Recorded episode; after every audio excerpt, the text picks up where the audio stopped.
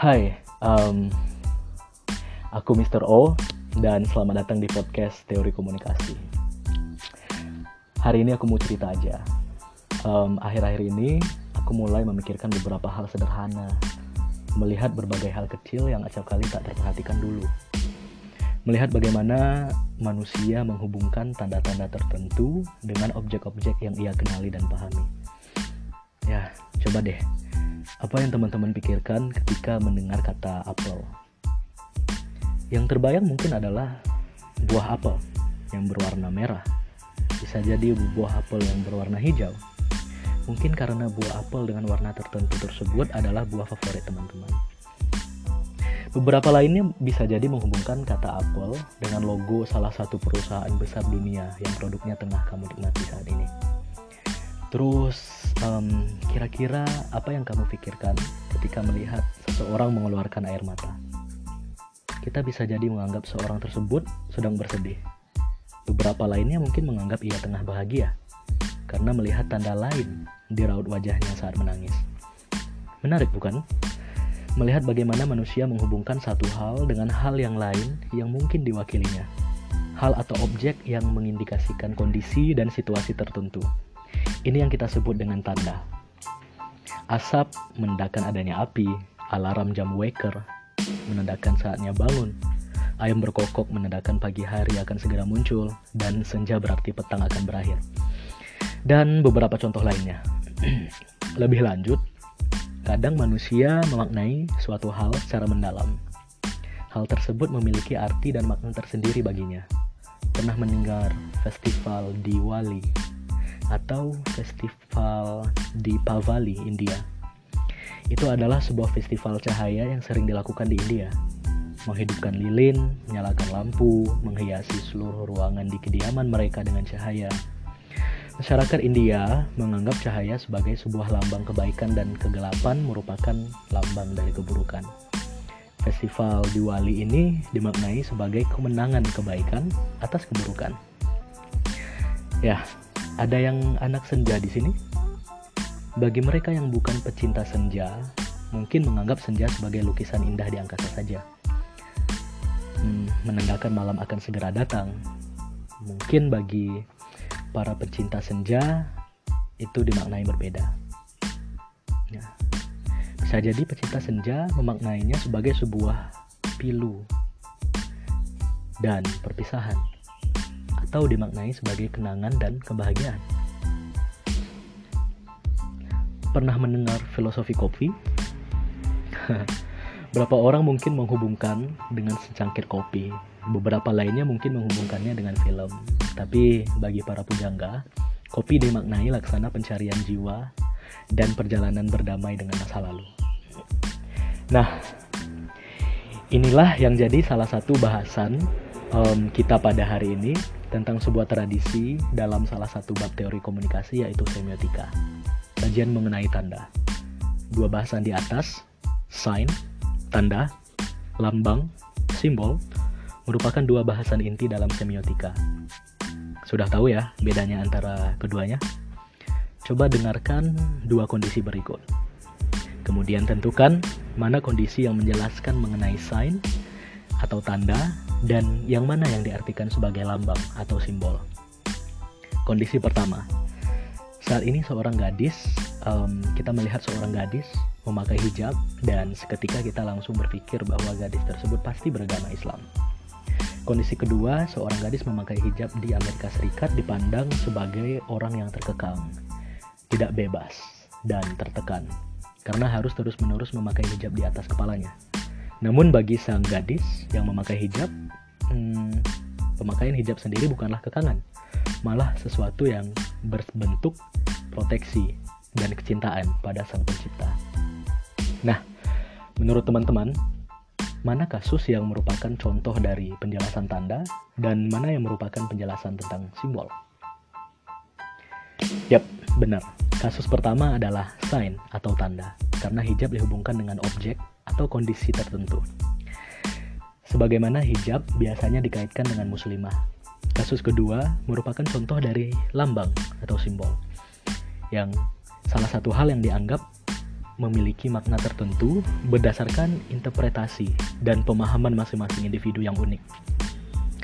Dalam bahasan media, simbol-simbol ini banyak sekali digunakan. Salah satu tujuannya adalah untuk membentuk realitas dan melihat bagaimana nanti simbol ini akan diinterpretasikan dan dimaknai oleh masing-masing individu yang menangkap simbol tersebut.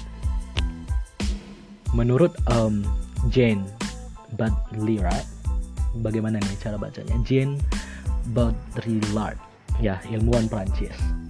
Sign tanda memiliki tiga tingkatan. Pertama, tanda dikatakan berkaitan erat dengan apa yang diwakilinya. Tataran ini dinamakan dengan tataran simbolik order yang biasanya digunakan oleh masyarakat feodal erat kaitannya dengan kekuasaan, hierarki, kasta, dan dimaknai sebagai simbol kedudukan.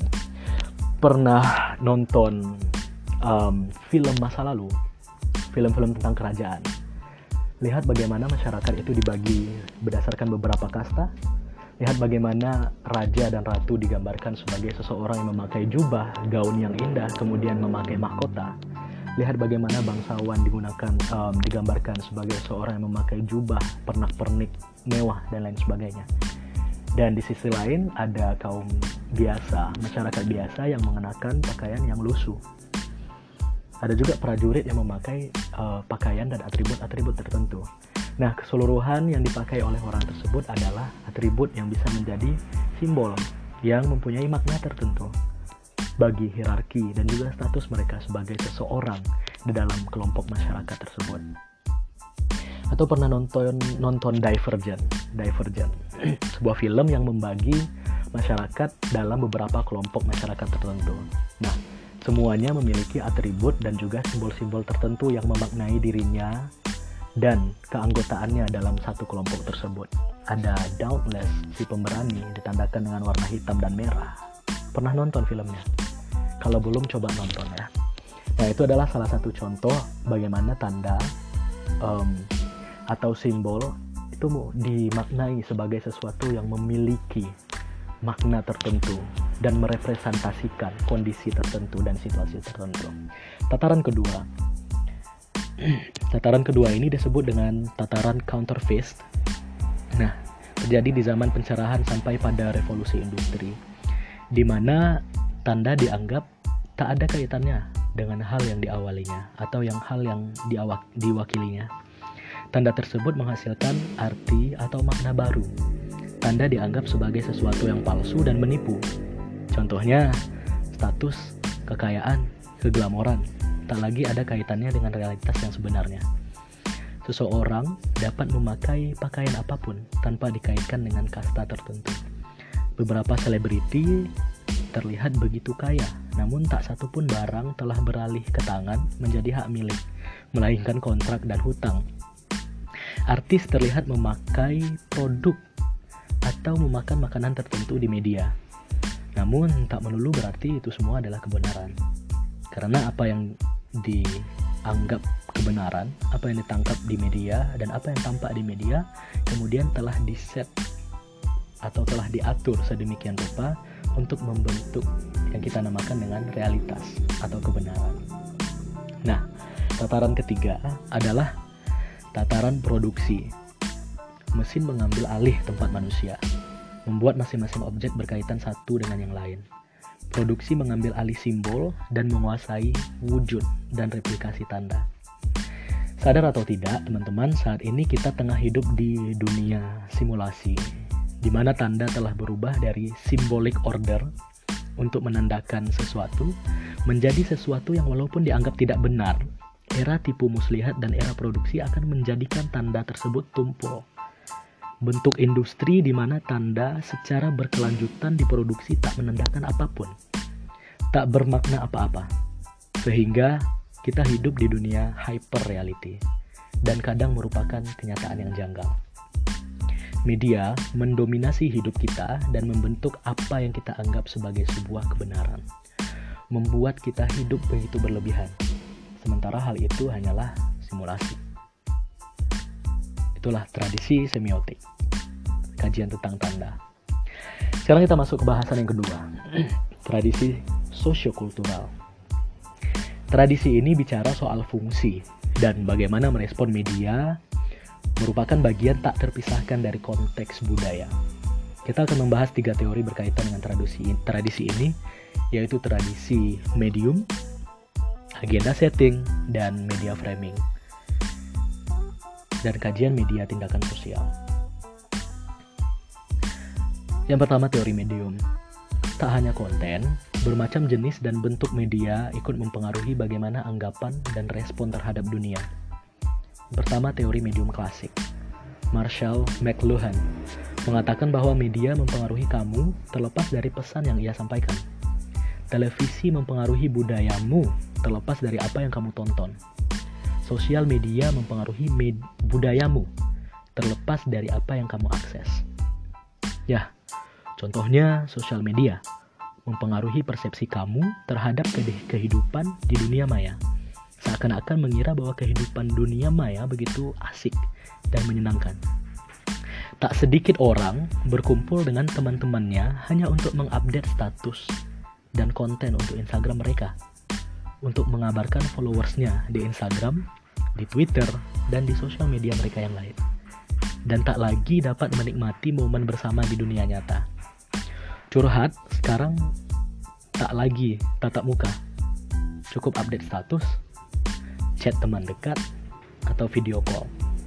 Budaya ini yang juga muncul karena pengaruh media yang kita pakai untuk menyampaikan pesan tersebut.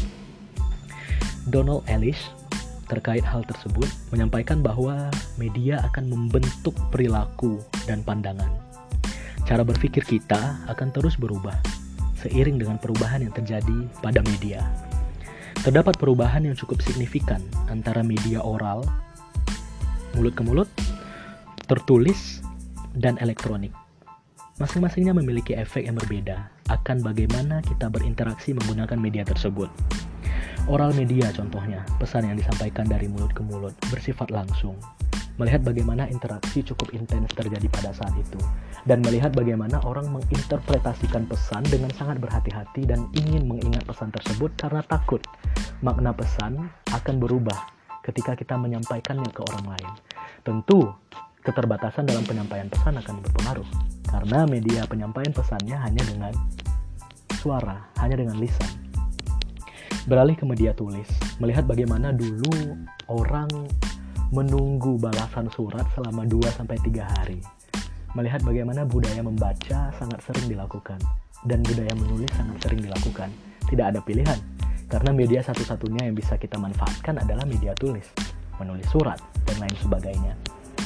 Kemudian beralih ke media elektronik, adanya televisi, radio, yang memungkinkan kita mendapatkan informasi yang lumayan besar dan cakupannya lumayan banyak dan bervariasi. Seperti itu. Jadi media yang kita gunakan sebenarnya berpengaruh terhadap pandangan kita dan budaya kita sebagai masyarakat. Nah, selanjutnya itu ada kajian new media Era ini digambarkan dengan adanya pemanfaatan internet-based technology dalam penerapannya berkaitan dengan dunia cyber atau budaya cyber, di mana keseluruhan aspek kehidupan dipindahkan ke dunia cyber, internet, sosial media, big data, dan lain-lain secara lebih luas. Melihat bagaimana sekarang memesan makanan atau memesan barang, apa pun yang ingin kita pesan, kita tinggal memanfaatkan internet memanfaatkan gadget. Seluruh aspek hampir bisa dipindahkan ke dalam cyber. Mau apa? Mau belajar? Bisa menggunakan cyber. Menggunakan e-book, mendownload e-book, dicari di internet. Terus, mau belajar tentang agama, mau berwirausaha, semuanya bisa dipindahkan ke dalam cyber. Inilah yang kita alami di new media. Bagaimana media media yang berbasis internet telah merubah kebudayaan masyarakat yang awalnya berbelanja di pasar tradisional beralih ke pasar online. Yang awalnya oh, bertransaksi melalui bank atau bertransaksi melalui tatap muka langsung berubah menjadi transaksi m-banking dan transaksi lainnya yang menggunakan internet based. Nah, seperti itu media yang kita gunakan ternyata memang berpengaruh ya terhadap budaya yang kita miliki. Itulah yang dipahami sebagai teori medium. Kemudian masuk ke teori kedua, agenda setting dan framing. Agenda setting membahas bahwa gambaran yang ada dalam berita membantu menciptakan jutaan pengalaman berkaitan dengan dunia. Terdapat dua tingkatan agenda setting, yaitu membangun isu umum yang penting dan membangun aspek lain dari isu tersebut yang dianggap penting. Media setting setidaknya memiliki tiga bagian proses, yaitu yang pertama memprioritaskan isu untuk didiskusikan di media atau yang juga disebut dengan media agenda. Yang kedua, agenda media mempengaruhi apa yang difikirkan oleh khalayak. Kemudian menciptakan agenda publik.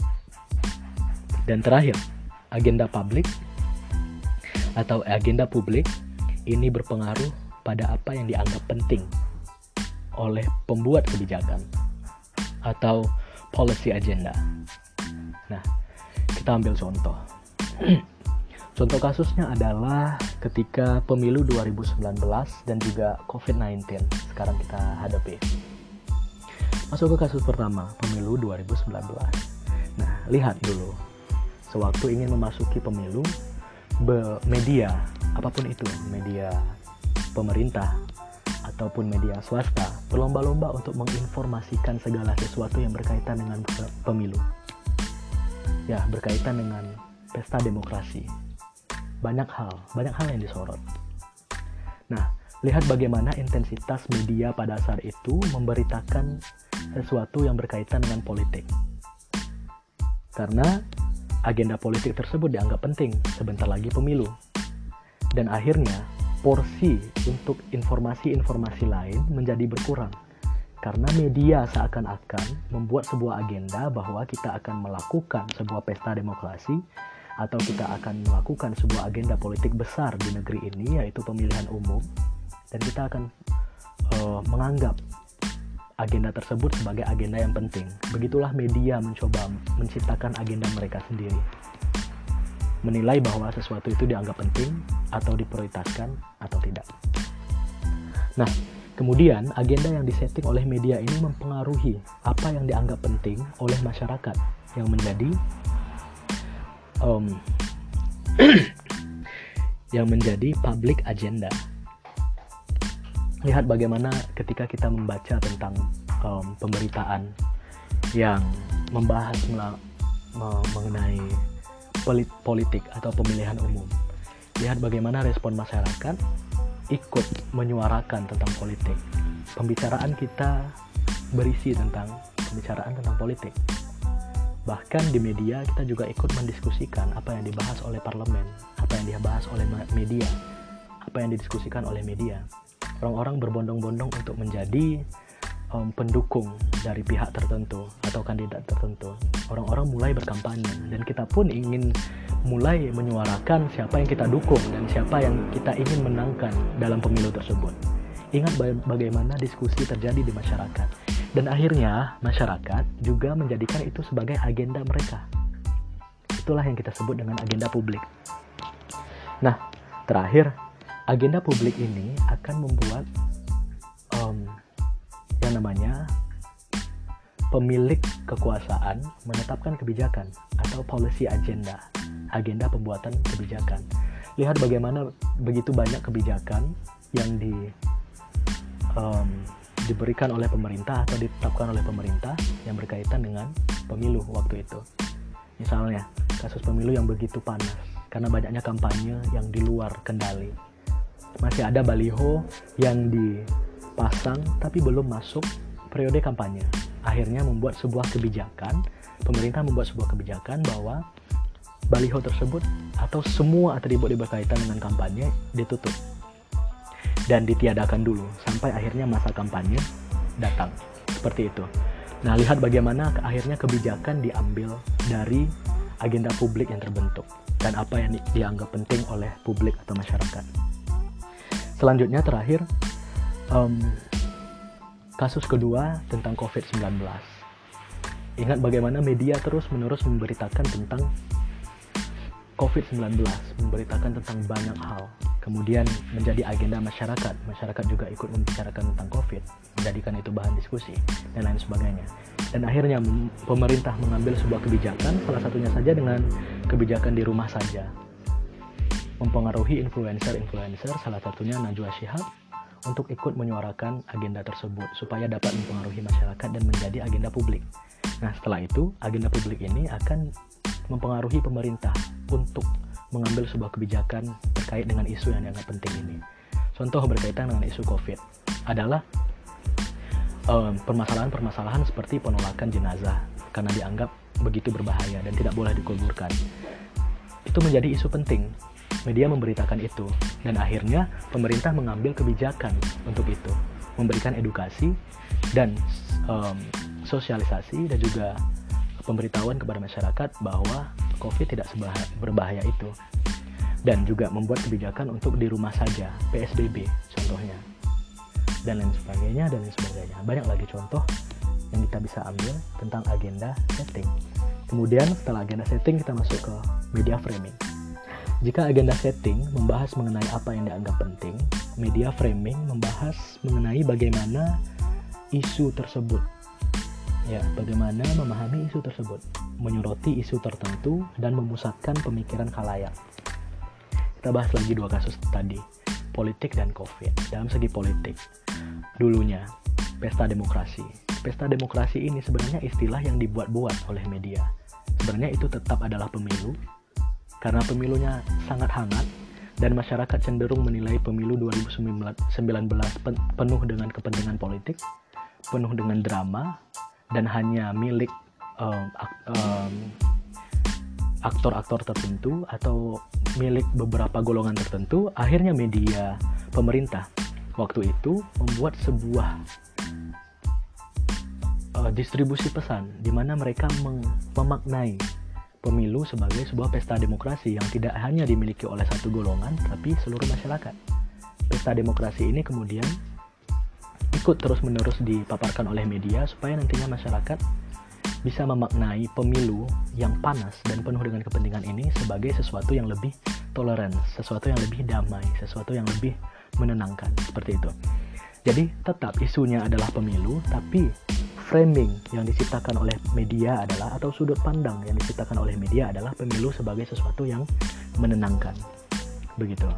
Atau media swasta lainnya. Tak jarang juga media tidak menyebut pemilu waktu itu sebagai sebuah um, pesta demokrasi, tapi juga ada pemberitaan yang menyatakan bahwa pemilu tersebut sangat panas dan penuh dengan kepentingan. Itulah yang dinamakan dengan framing. Bagaimana media memfokuskan isu pada fokus-fokus tertentu agar dipahami dan dipengaruhi dan mempengaruhi masyarakat. Oke, ngerti ya? tentang um, agenda setting dan framing. Kalau sudah, kita masuk ke bahasan selanjutnya yaitu social action media studies atau kajian media tindakan sosial. Nah, pada bahasan ini membahas masyarakat terdiri dari berbagai lapisan dan latar belakang yang memegang nilai, ide, dan kepentingan yang berbeda konten yang ada di media diinterpretasikan oleh komunitas berdasarkan pada makna yang dimiliki oleh anggota kelompok tersebut dan cenderung akan dipengaruhi oleh hal itu ketimbang media. Gerald dan James Anderson menyebut bahwa pendekatan berdasarkan masyarakat dengan penelitian media atau atau kajian media ini kajian media tindakan sosial dan mereka menggarisbawahi ada enam dasar pemikiran dari pemi dari kajian media. Yang pertama, makna tidak ada dalam pesan itu sendiri, tetapi dihasilkan oleh sebuah proses interpretif di dalam audiens atau proses audiens untuk menginterpretasikan sesuatu. Audiens yang berbeda akan menafsirkan dan memahami apa yang mereka baca atau lihat dalam cara-cara yang berbeda. Yang kedua, bahwa makna pesan-pesan media dan program tidak ditentukan secara pasif, tetapi dihasilkan secara aktif oleh audiens. melalui interpretasi tadi dan menghubungkan informasi satu dan informasi lainnya agar terbentuk pemahaman. Jadi, jadi bukan media yang memberikan pemahaman, tetapi audienslah yang secara aktif mencari informasi tersebut untuk memahami konten-konten tertentu yang dipaparkan oleh media. Kemudian yang ketiga, makna media terus bergerak ketika anggota masyarakat menggunakan media dengan cara-cara yang berbeda. Contoh, ada masyarakat yang menggunakan media sebagai hiburan, sebagai media edukasi, atau hanya sebagai pengiring kegiatan saja, atau malah peluapan emosi. Melihat bagaimana orang mendengarkan radio dengan berbagai motif dan berbagai maksud penggunaan Nah, ada orang yang benar-benar fokus mendengarkan radio karena dia ingin menggunakan media media tersebut sebagai media dia untuk mendapatkan hiburan. Jadi benar-benar fokus ke sana. Ada yang menggunakan radio untuk sebagai media edukasi. Jadi informasi yang diambil dari radio tersebut hanya informasi-informasi yang edukatif saja. Ada juga orang yang menggunakan satu media tertentu, misalnya mendengarkan YouTube atau mendengarkan Jux, Spotify, atau podcast hanya untuk sebagai pengiring saja ketika mereka berkegiatan. Gitu. Yang keempat, makna sebuah program atau pesan mungkin saja ditentukan oleh individu, tetapi ia juga bersifat komunal, merupakan bagian dari tradisi dan budaya kelompok masyarakat tertentu. Yang kelima, membahas mengenai bagaimana kita menggunakan media dan makna yang terkandung dalam tindakan tersebut merupakan sebuah bentuk dan interaksi sosial. Nah, melihat bagaimana akhirnya orang memutuskan untuk menonton TV dengan teman, kemudian program-program yang mereka pilih dan mereka tentukan adalah hasil dari interaksi mereka satu sama lain. Contoh, teman suka A, tapi kita suka B. Akhirnya kita berinteraksi dan memutuskan bagaimana kita akan menonton TV tersebut, program apa yang kita pilih, kemudian untuk apa televisi tersebut digunakan. Apakah untuk mencari informasi yang menghibur atau informasi yang edukatif.